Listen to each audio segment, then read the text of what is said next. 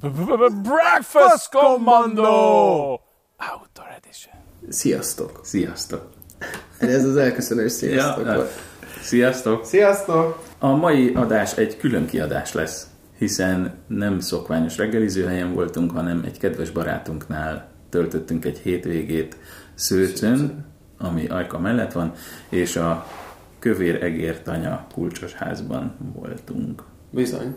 Csekkoljátok le, jó hely. Igen. És hogy, hogy amúgy mit kell tudni erről a helyről, maga Szőc település, Szőc falu mellett Szélén, szélén, igen. van, gyakorlatilag után van. És hát azt kell mondanom, hogy az erdő közepén Igen, egy gyakorlatilag völgy. Egy ilyen egy völgyben. Igen. dimbes-dombos erdővel körbezárt völgyben. Nagyon, nagyon mindentől távol, úgyhogy nem hogy internet, de még gyakran térerő sincs. Teljes izoláció, ennek minden előnyével és hátrányával. Bezony. Úgyhogy itt töltöttünk el egy hétvégét, és hát erről hozunk nektek most egy külön kiadást, ugyanis azért is külön kiadás, mert ezen a hétvégén mi főztünk. Mi készítettük magunknak a reggelit. Igen, úgyhogy lehet, hogy meg lesz az első 7 per 7-es értékelés? Hmm.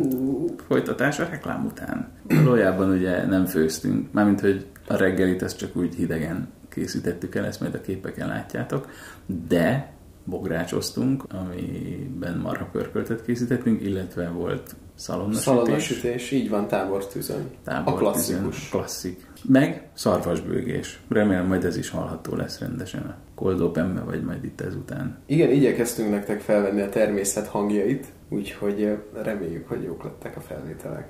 Bizony. Ezt majd csekkoljátok mindenki. Igen, és akkor szerintem nézzük is át, hogy mit tettünk reggelire. Ugye azt mondtad, hogy hideg, hideget reggeliztünk, gyakorlatilag szendvicseket készítettünk magunkban. Igen. Egyszerű Tesco zsemlébe ágyazott szalámi, illetve Szalámi, kígyóborka, paradicsom, paradicsom, paprika is margarin, volt, margarin. és a, és a zsömle.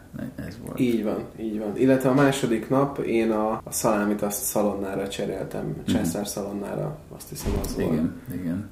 És Hát itt ugye a, a szalámi szeletelés jelentett nehézséget, mert a, a szelet vastagsága nem volt konzisztens, szóval nagyon vékonytól a görbe vastag, aránytalan, nem is kör alakú Ja igen, mert ugye keresztmetszetre hasonlított.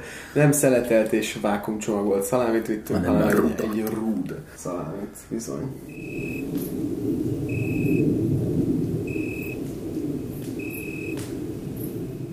Plusz hát akadt egy kis technikai malőr, betelt az SD kártya, úgyhogy elvesztettük a nyersanyagunknak a kétharmadát, de már nincs erőnk újra fölvenni, úgyhogy, Bizony sajnos korlátozottak a lehetőségek. úgyhogy elnézést, az értékelést azért újra fölvesszük.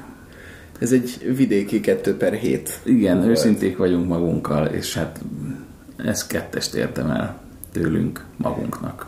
Igen, igen, igen. Nem, nem úgy készültünk tényleg, hogy egy gurmé, gurmé reggelit fogunk összerakni. De ugye, ahogy a megsemmisült felvételben is mondtad, hogy ezek után még jobban tudjuk majd értékelni a, Bizony. a reggeliket, ami, ami ezután a mondanónk után, vagy előtt következett, ki tudja. Reméljük tetszett. Sziasztok! Sziasztok!